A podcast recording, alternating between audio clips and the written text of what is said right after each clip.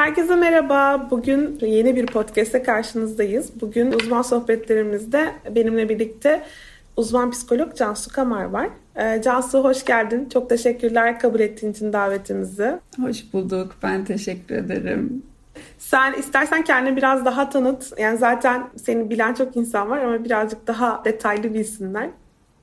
Ben uzman psikolog ve psikoterapistim. Nişantaşı'nda bir psikoterapi merkezim var. Ergen ve yetişkinlerle çalışıyorum. Daha çok bu insanlık halleri, insan olma deneyimi ve kendi sesimizi duymak, kendimize giden yolu bulmak konuları çerçevesinde yazılar yazıyorum. Ocak ayında ilk kitabım Unutursan Hatırla çıktı. Bunları bir araya topladım. İki uzmanlık alanım var. Humanist psikoterapiler bir master'ım. Diğeri endüstriyel psikoloji. Genel olarak bütünsel ve sistemik bir yaklaşımım var. Yani her şey birbirine bağlı ve mikrodan makroya aslında işte bireyle, kurumla, toplumla çalışırken çok benzer dinamikler var ve aslında bütünün bir parçası olarak ve onların birbiriyle olan ilişkileri olarak bakıyorum. Uzun süredir mindfulness, yoga, meditasyon çalışıyorum. Kendi hayatımda da aslında bunların o benim yolculuğumdaki dönüştürücü etkisi benim bu işi yapma şeklimi de değiştirdi.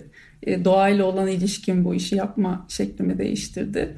E, ve aslında şu anda yazıp çizdiğim şeylerde de hani o akademik kısımdan süzülmüş ve biraz daha sadeleşmiş ve ondan kalan şeyler e, var ve bu hali bana bayağı keyifli geliyor. E, bu şekilde. Ben podcast çekmeden önce e, Cansu'ya söyledim ama şimdi tekrarı olsun. Cansu'nun yazdıklarının sadeliği ve akıcılığı gerçekten inanılmaz etkiliyor beni de. Yani gerçekten anlatmak istediğini çok basit ama çok derin bir dille ifade edebilme yeteneği çok rastlanan bir şey değil. O yüzden çok hoşuma gitti benim de. Ellerine sağlık. Ee, Teşekkür ederim. Hepsi için. Bugünkü podcastimizin konusu sınırlar. Ee, sınır çizmek, sınır koymak.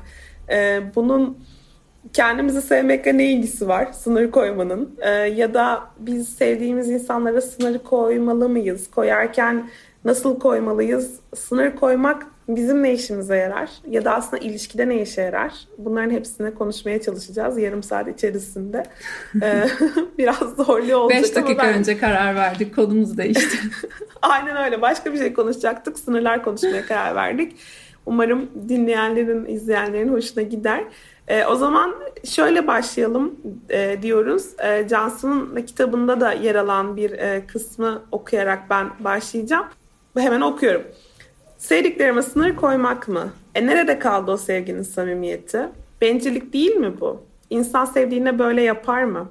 Yapar efendim. Hem de sevdiğinden yapar. Sevmeye devam etmek istediğinden yapar. Havadar ilişkiler, kalpten gelen buluşmalar ve istediğine gönülden evet diyebilmek için yapar. Diye yazmış Cansu. Ee, o zaman ben de sorayım. İnsan sevdiğine sınırı koyar mı Cansu hiç? İnsan sevdiğine sınır koyar tabii. Çünkü e, sınır dediğimiz şeyden ne anladığımız ne algıladığımız önemli burada. Sınır dediğimizde genellikle sanki karşı tarafı yoksun bırakmak gibi algılıyoruz daha çok biz. Ve böyle bir sevgisizlik gibi bir algılayış var. Ama aslında temelde sınır koymak demek ben neyle ne kadar okeyim ve ne kadar iyi hissediyorum karşı tarafta aslında hani benimle ilgili olanı anlayabilmek ve bilebilmek için benim sınırımı bilmeli ki bu davranış beni hangi noktada rahatsız ediyor? Benimle nasıl konuşulmasını, nasıl iletişim kurulmasını ya da hangi deneyimleri hayatımda istiyorum, hangilerini istemiyorum. Yani bana dair aslında karşı tarafa bir harita veren şey sınırlar.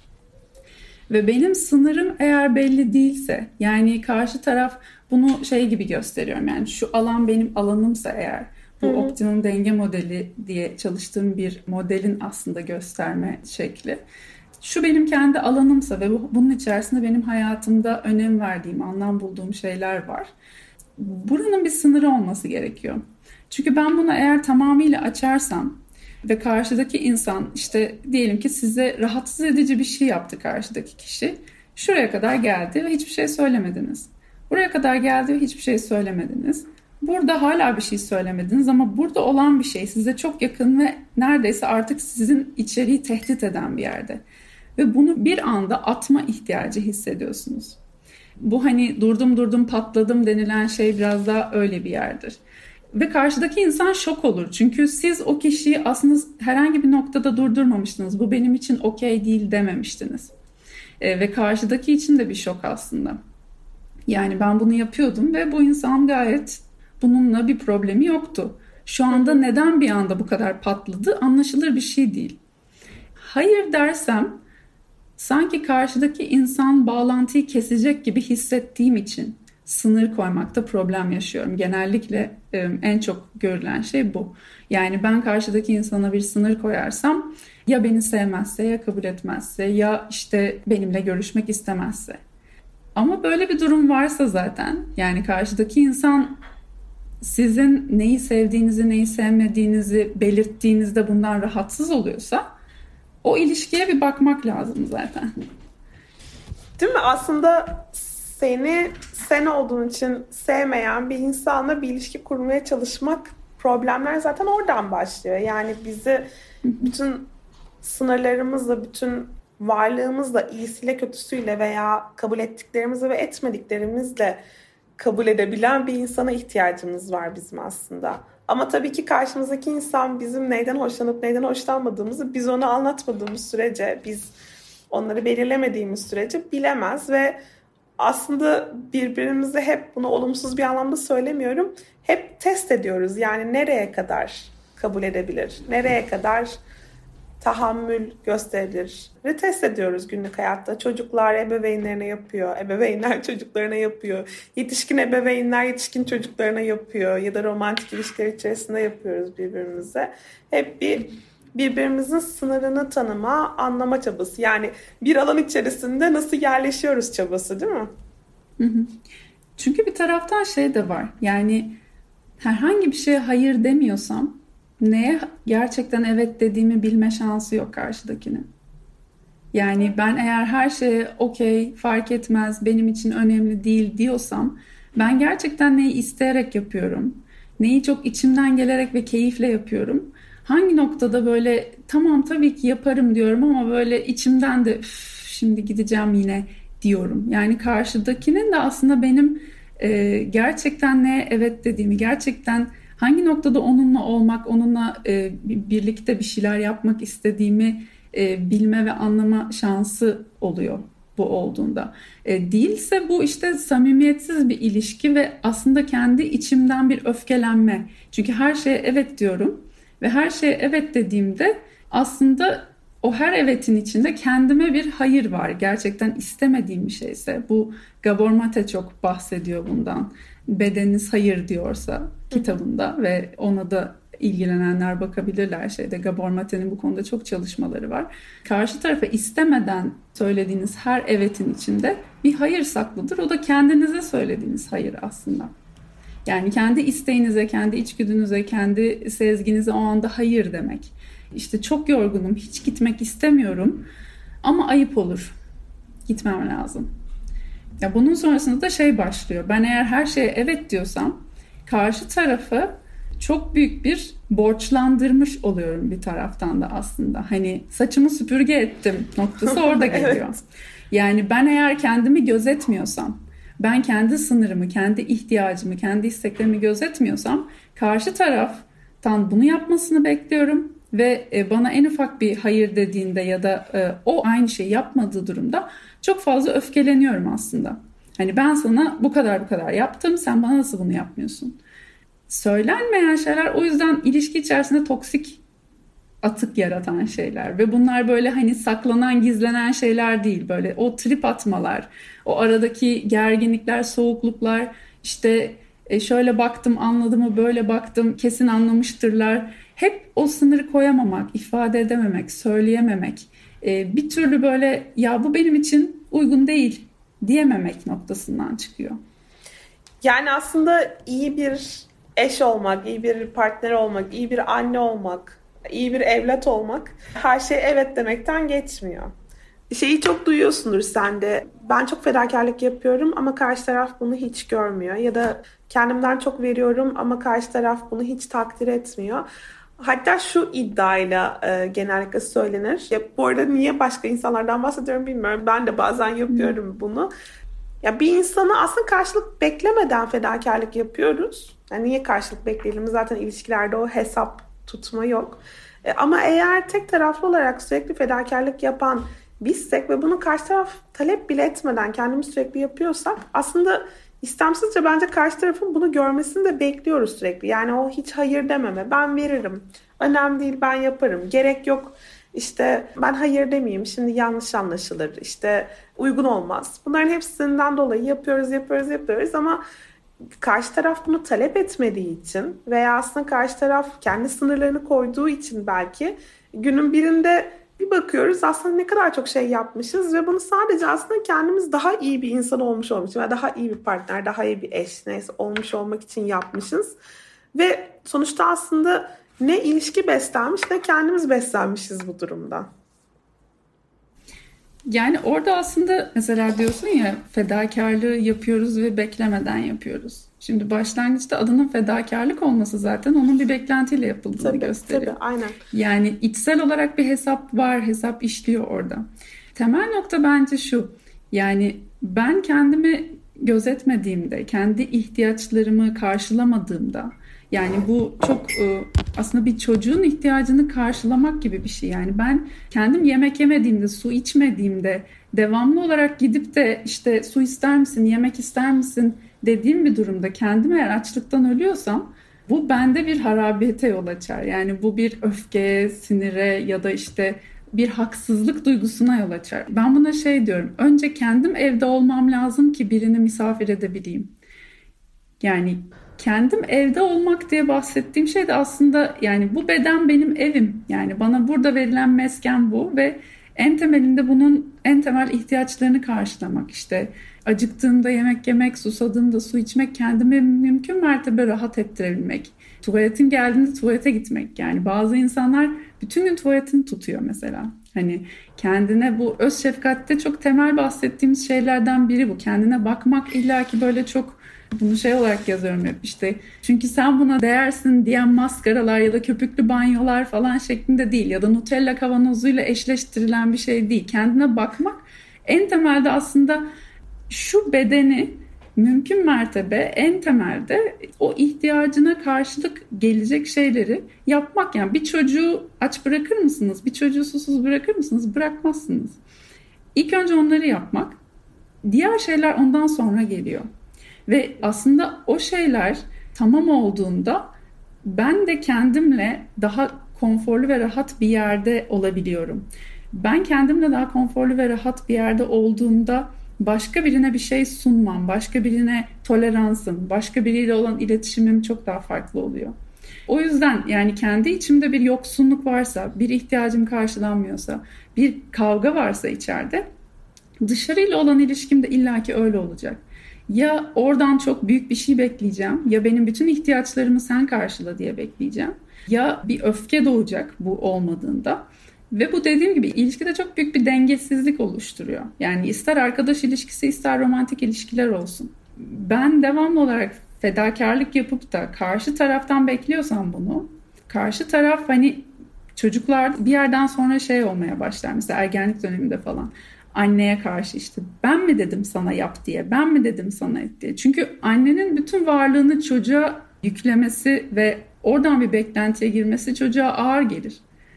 Yani çünkü bu tür bir vericilik e, oradaki dengeyi bozar. Zaten hayat yukarıdan aşağı doğru akar. Yani anne baba verir, çocuk alır. Ama bunun yukarıya hesabı sorulmaz. Ya da aşağıdan da tahsilat yapılmaz. Aşağı doğru akan bir nehir bu. Hayat bu şekilde akıyor. O yüzden sınır meselesinde bu şey demek. Bencillik olarak algılanan bir tarafı var ya bir de hani sınır koyarsam bir, yoksun bırakıyorum ve bencillik. Sadece ben varım demek değil. Ben de varım, sen de varsın demek. Ve benim için bunlar bunlar iyi, hoş. Bunlar bunlar değil. Ve bunları bildiğinde aslında ikimizin iletişimi, ikimiz arasında akan şey çok daha keyifli, samimi ve gerçek oluyor. Ben mış gibi yapmıyorum İstemediğim halde zorla kendimi oraya getirmiyorum senin yanına. Çünkü öyle demem gerekiyor diye. Sen de biliyorsun ki oradayken gerçekten orada olmak istediğim için oradayım. Ya iki taraf için de aslında çok ferahlatıcı bir şey sınırlar. Net sınırlar ve yani net, sade, belirli sınırlar iki taraf için de çok aydınlatıcı bence. Ee, söylediklerin aklıma iki farklı şey getirdi birbiriyle ilişkili. Bir tanesi şu, aslında sosyal regülasyon dediğimiz bir başkasından destek alarak hayatımızı sürdürme eylemi içerisinde bir yandan şunu yapıyoruz. Yani bir yandan benlik regülasyonumuzu sağlarken bir enerji harcıyoruz. E, bunu şöyle anlatıyorum ben genellikle eğitimlerimde. E, çok yorucu bir günün sonunda eve geldiğinizde önünüze size böyle bir paragraflık bir yazı koysalar okumak istemezsiniz. Çünkü artık yani biten bir enerji değil tabii ki ama sonuçta yorulmuşsunuzdur. Yani zihniniz yorulmuştur. İlişki içerisinde de eğer siz sürekli kendinizi kendi ihtiyaçlarınızı dinlemeden sürekli bir başkasının ihtiyaçlarını gidermeye çalışarak sürekli kendinize sen sus, sen şimdi bununla gitme. İşte şimdi bunu söyleme rahatsız etme. E şimdi bunu üzüldüğünü belli etme diye sürekli olarak o seninle podcast önce söylediğimiz ağzımızın tadı kaçmasın regülasyonu yaptığınız zaman bir noktada şu oluyor. Bir noktada tükeniyorsunuz. Yani bir noktada artık o şeyi yapabilecek gücünüz kalmıyor. Ve bu sefer karşı tarafı hiç beklemediği bir anda senin de en başta söylediğin gibi belki bir öfke patlamasıyla, belki bir o içinizde biriktirdiğiniz hiç söylemediğiniz şeylerin bir anda açığa çıkması ve karşınızdaki insanın neye uğradığını Şok. şaşırdığı. Bir dakika ben bunun hiç farkında bile değildim. Yani bunlardan rahatsız oluyorsam ben niye bilmiyordum dediği bir yere getiriyorsunuz. Aslında bu o kadar basit bir denge ki yani ama eğer siz kendi duygularınızı gözeterek hareket ederseniz bir yandan da o zaman bu enerjiyi diyelim dengeli kullanabilmiş oluyorsunuz. Hem karşınızdaki insanı sevmek, anlamak, ona iyi göstermek için enerjiniz kalıyor. Hem kendinizi korumak, kollayabilmek, ön plana çıkarabilmek adına enerjiniz kalıyor. Böyle olunca da çok daha sağlıklı ilişkiler yaşanıyor. Buradan da şuraya geleceğim aslında. Romantik ilişkiler özelinde konuşmuyoruz. Aslında hiç zaten hiç böyle konuşmadık. Cansu ile hani onun üzerine konuşalım. Benim aklıma şu geldi. Yeni anneler. Yani özellikle çocuk ilk doğduğu zaman hani şeydir ya aslında çok söylenen bir şeydir. Bebek uyuduğunda sen de uyu. Yani senin de ihtiyacın var. Ama genellikle yeni anneler o zamanları uyuyarak değerlendirmezler. Hep bir başka bir ihtiyaç gidermek. İşte e, evin şurasını da halledeyim ya da bebeğin şu ihtiyacını da uyurken gidereyim. Ama aslında orada söylenen şey şudur. Yani sen kendi ihtiyaçlarını da bir gider ki. Yani sen sağlıklı ol. Sen psikolojik olarak ve fiziksel olarak sağlıklı ol ki bebeğine daha iyi bakım verebilesin. Ama bu yapılmaz. Aslında bu bence bütün çocuk sahibi insanlar için de geçerli. Sürekli çocuk iyi olsun diye kendinden veren insanlar, kendi ihtiyaçlarını arka plana atan insanlar günün birinde bir bakıyorlar kendilerinden bir şey kalmamış ve e, bu sefer de onun acısı yine aslında başka yerlerden çıkıyor hayatta. O yüzden o sınırlarını koyabildiğinde ya tamam tabii ki onun ihtiyaçları çok önemli ama ben mutsuzsam, benim ihtiyaçlarım giderilmemişse o zaman ben mutlu bir anne olamam ve mutlu bir e, şekilde çocuğumu büyütemem duygusunu duyabilmek de önemli. Aynısı romantik ilişkiler için de geçerli bence. Evet. Yani orada kesinlikle şimdi tabii ki anne çocuk ilişkisinde biraz daha farklı bir şey de var yani size bağımlı bir bebek var orada ve hani oradaki şey de çok farklı. Yani dışarıda yetişkin bir insana koyduğunuz sınırla aynı şey olmayacak ama orada biraz toplumun beklentilerinin de şekillendirdiği bir şey oluyor aslında. O süper anne olma şeyi aslında insanların ayarını bozuyor. Yoksa çocuk uyuduğunda sen de uyu yani bakalım uyuyabiliyor mu bir de hani oradaki annenin ihtiyacını sormak, annenin e, aslında kendini gözetmesi ve etrafındakilerin de onu gözetmesi noktasında bütün odağın bebekte olduğu bir şey var orada. Ve e, çok çabuk aslında annenin kendini unutması, etrafındakiler onu bir unutuyor zaten. Yani bebek bebek bebek üzerinde şey olduğunda anneye nasılsın diyen bile olmayabiliyor belli noktalarda. O yüzden yani kendini gözetmek aslında orada bir hak görmediği bir şey olabiliyor annenin maalesef. Yani burada biraz şeyin değişmesi lazım. Oradaki genel yaklaşımın, söylemin değişmesi lazım.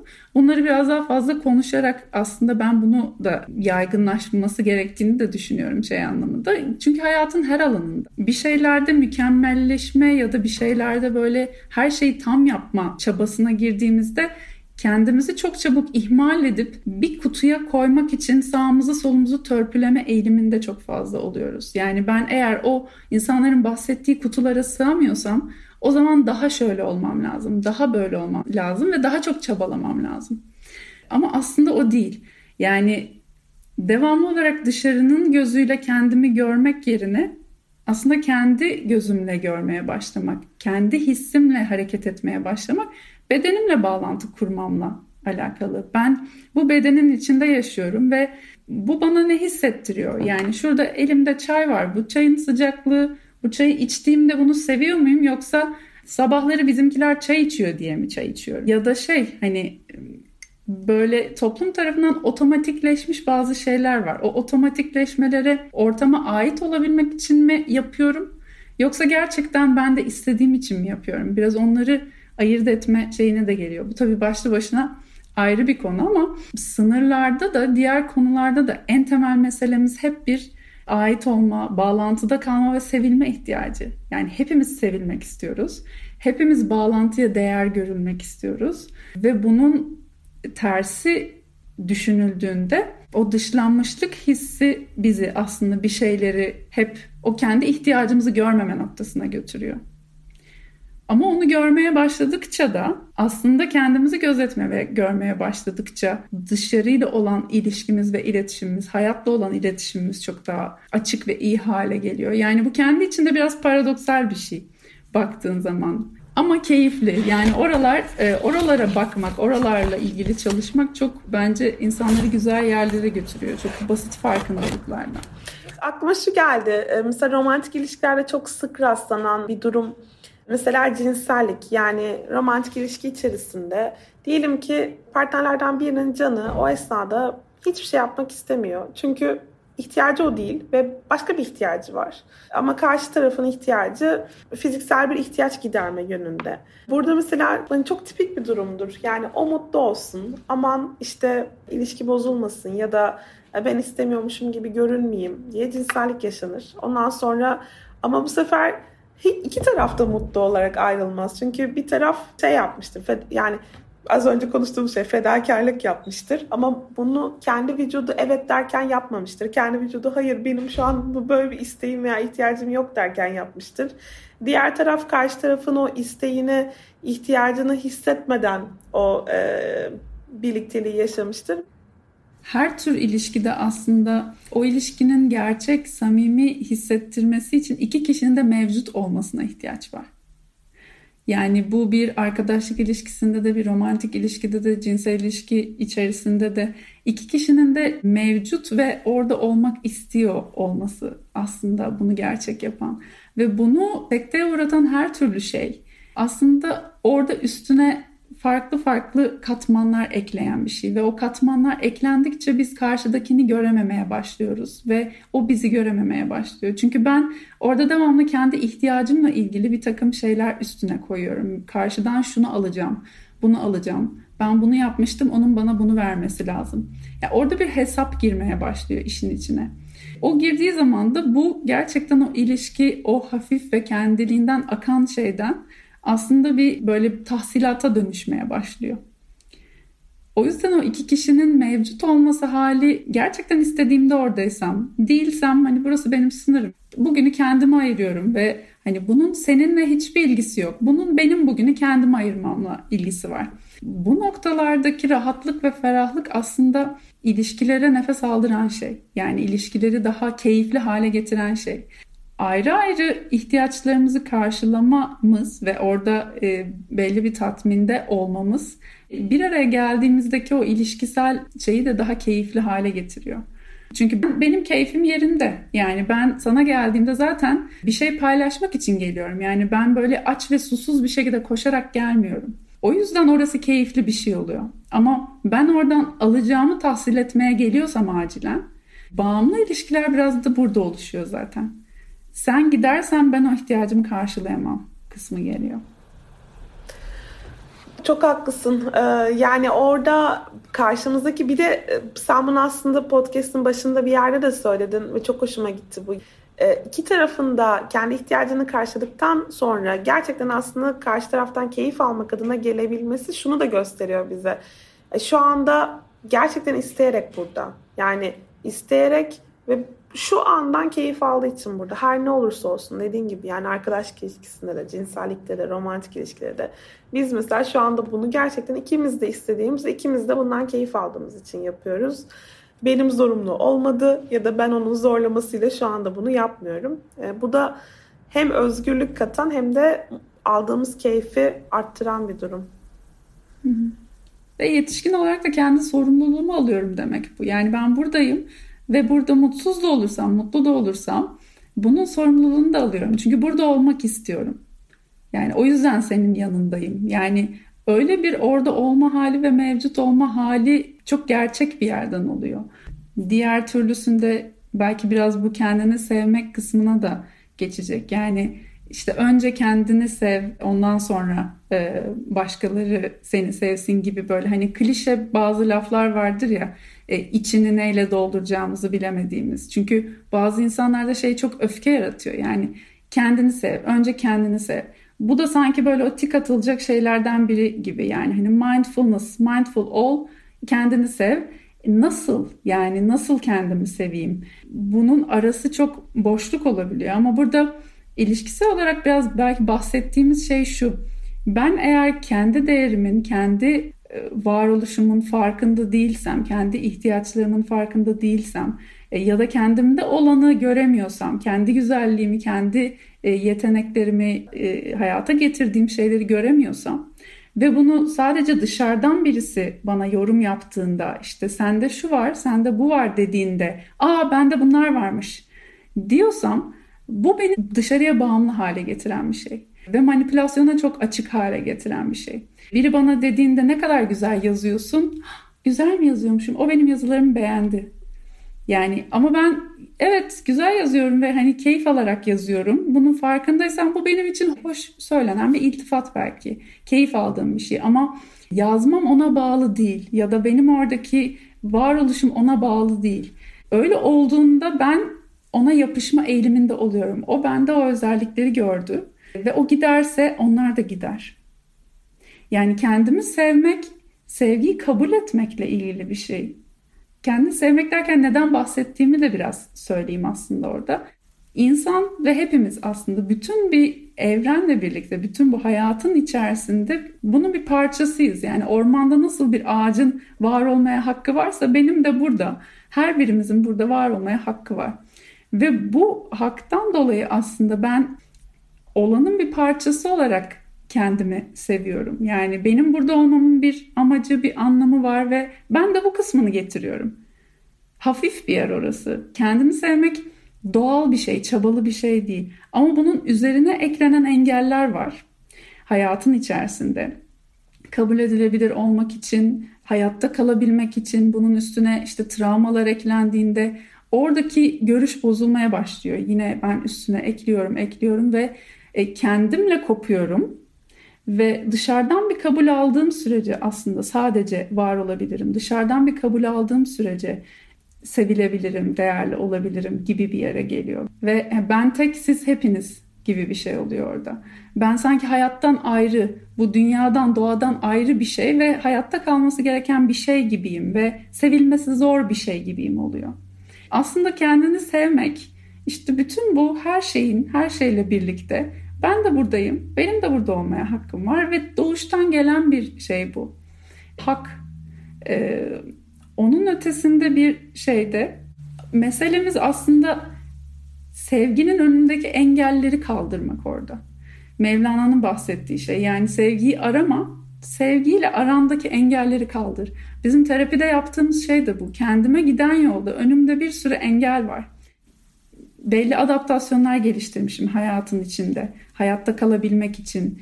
Belki doğduğum, büyüdüğüm ortam zor bir ortamdı. Orada o şekilde olması gerekiyordu. Ve bunları aslında bakarak, yüzleşerek terapide yaptığımız şey de bu. Hayatın içinde farklı noktalarda yaptığımız şey de bu. Bunları tek tek kaldırarak aslında o doğal olana, asıl e, hafif olana gitmek mümkün oluyor. Ve zaten orada önündeki engeller kalktığında kendini sevmek dediğimiz şey çok kendiliğinden var olan bir şey. Bu şey de değil yani. Ay canım kendim değil. Sadece olan bir şey orada.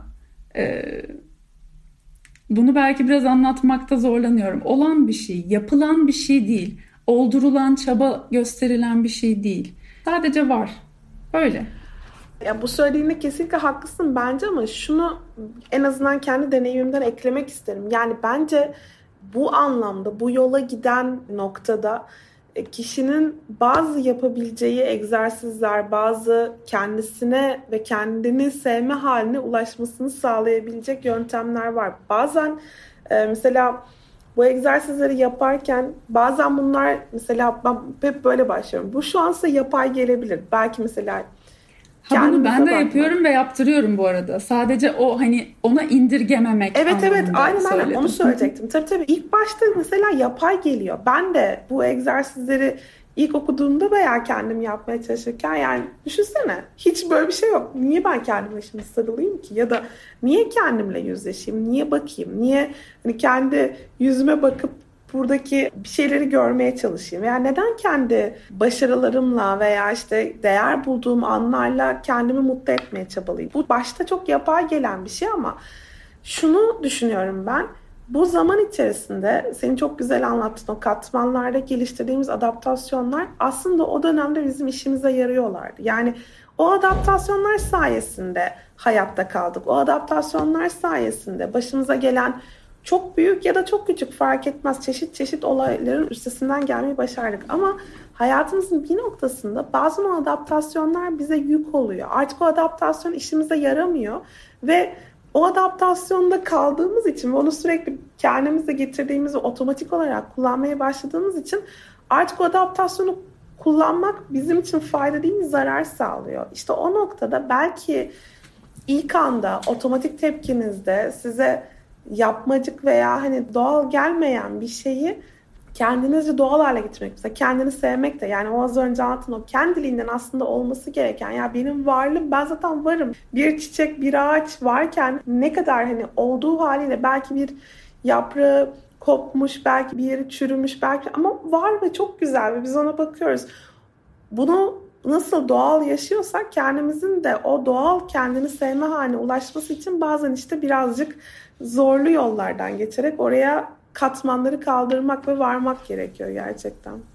Ben bahsederken hep şey diyorum burası yani kolay değil, zor değil, mümkün. Gerçekten gönüllü olduğunda ve bakmaya, görmeye gönüllü olduğunda o kadar fazla şey var ki yani ben mesela çoğunu doğanın içinde buluyorum bunu. Yani yıllarca çok kalın kalın referanslarla akademik dünyada bunun aslında teorik bir çabasını verdim bununla ilgili araştırma yaparken ama bir yerden sonra gerçekten o böyle benim için bedenle çalışmak, kendi bedenimle çalışmak ve sonrasında gerçekten doğanın içinde o bütünün bir parçası olarak insanı düşünmek e, noktası sadeleştirdi kafamdaki düşünceleri. Çünkü baktığımız zaman insan doğada var olan türlerin bir tanesi aslında her şey birbiriyle iletişimde ve o iletişimin içerisinde benimle konuşan bir sürü şey var. Ben yazdığım, çizdiğim şeyleri işte bir yaprak görüyorum, bir çiçek görüyorum ve o bana bir şey hatırlatıyor. İçimde bir karşılığı oluyor gördüğüm şeyin ve aslında bütün her şeyi doğanın içerisinde görmek, anlamak mümkün. Belki tabii ki o akademik tarafı okumuş olmanın da verdiği bir şeyde ikisi birleşiyor. Ama temelde baktığımda, gören bir gözle baktığımda, görme niyetiyle baktığımda etrafta çok fazla bunu hatırlatan, bunu anlatan şey var ve ben insan olarak doğanın hakimi değilim. Ben o doğanın bir parçasıyım. Biraz orada da şeyimiz karışıyor çünkü. Yani her şeye hükmetmeye çalışan bir tür olduğumuz için sanki her şey bizim için bizim için ve hani e, tüketimimiz için gibi bir algımız var. Aslında hayır o türlerden biri de biziz ve her şeyin içerisinde var olan o harmoninin içinde yerimizi bulduğumuz zaman iyi hissediyoruz ve aslında orada yerimizi bulmuş oluyoruz. Cansu bu söylediklerin şeyi düşündürdü bende. Yani doğada kendini sevmek ve kendinle barışık olmak, o harmoni içerisinde olmak aslında yerini bulmak ve o yerle barışık olma halini düşünürken bunu sınır koymaya da bağlamayı düşünürken şunu hatırladım. Bu ağaçlar bile kendi alanlarını aslında bir şekilde belirliyorlar değil mi? Mesela iki ağaç yan yanayken o yapraklar birbirine bazen değiyor e, ama o değerken bile kendi sınırları var. Bazen de değmeyip aslında birbirlerine bir alan bırakıyorlar. Ya da hayvanların da belli sınırları var ve o sınırları ihlal etmemeye çalışıyorlar ya da ihlal ettiklerinde sorunlar çıkıyor aslında. Sınırlar aslında harmoninin bir parçası baktığımızda değil mi? Evet yani her canlı için bu aslında kendi bütünlüğünü sağladıktan sonra hayatla bir iletişim kurmak var. Yani hayvanlar için de öyle yani kendi bütünlüğü ve kendi güvenliği aslında kendi esenliği öncelikli ve bu olduğunda dışarıyla iletişim kuruyor ve dışarıyla e, bağlantısı o şekilde. Ağaçlarla ilgili söylediğin o şey de bu ara devamlı ormana gidiyorum yani bütün boş vakitlerimde ormandayım neredeyse. O taç çekingenliği deniliyor o bahsettiğin şeye ve ağaçların gerçekten bu şeyleriyle ilgili okuyorum. E, birbirleriyle arkadaş olan ağaçlar gerçekten bu şekilde geçiyor. Birbirlerine büyüyecek bir alan e, vermek ve orada hani mesela daha kalın dallarını boşluğa doğru uzatıyorlar. Hı hı, hı. Diğerini rahatsız etmeyecek şekilde uzatıyorlar. E, ve onun tarafında da daha ince olan dallarını uzatıp arada bir şey bırakıyorlar ve bu karşılıklı olarak aslında ikisi için de iyi bir şey. Ormanın içerisinde çünkü Mesela aradan çok fazla rüzgar geçmemesi ve ağaçların zarar görmemesi için gerekli olan bir şey onların yakın durmaları ama birbirine girmemeleri. Yani çok güzel bir denge var aslında onun içinde. Yani e, doğaya baktığımızda bu denge var. Hücre yani çok mikro düzeyde baktığımızda bile hücre çeperi olmayan hücre dağılır. Yani benim kendi bütünlüğümü koruyabilmem için benim belli sınırlarım olması gerekiyor ve bu sınırlar kişiden kişiye, konteksten kontekste değişir bu arada. Yani çok yakınlarıma çok açık bir sınırım vardır. Yani o insana derim ki ben sana hani güveniyorum ve hiçbir şekilde hani hiçbir şekilde değil belki ama hani çok yakın bir deyim var. O kişiyi durduracağım yer belki şurasıdır. Ama sokaktan geçen bir insanı şurada durdururum. Sen buradan sonrasına gelemezsin çünkü bu beni rahatsız eder derim. Ee, o sınırların değişkenliği de çok önemli. Çünkü sınır koymak dediğimizde sanki herkese aynı sertlikte, aynı esnemezlikte gibi algılanıyor. O da başka bir konu. Yani bu sınırlarla ilgili meselede ben nasıl hissediyorum?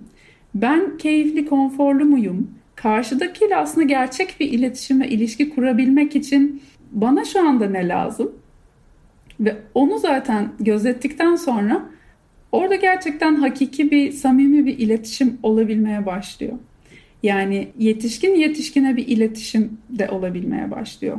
Sen benim bütün ihtiyaçlarımın karşılayıcısı değilsin. Tabii ki bir şeyler paylaşacağız. Tabii ki yardım alacağım. Tabii ki destek alacağım, vereceğim. Ama ben senin üzerine o kadar şey yüklemiyorum. Sen de benim üzerime yüklemiyorsun. Bu çok böyle çok şiirsel bir ilişki şekli bence. Yani her anlamda baktığımızda o yüzden sınırlar çok keyifli bir konu benim için yani. Hani anlatması da hayatın içerisinde yazması, çizmesi de çok keyifli. Çünkü bizi bence çok ferah bir yere götürüyor.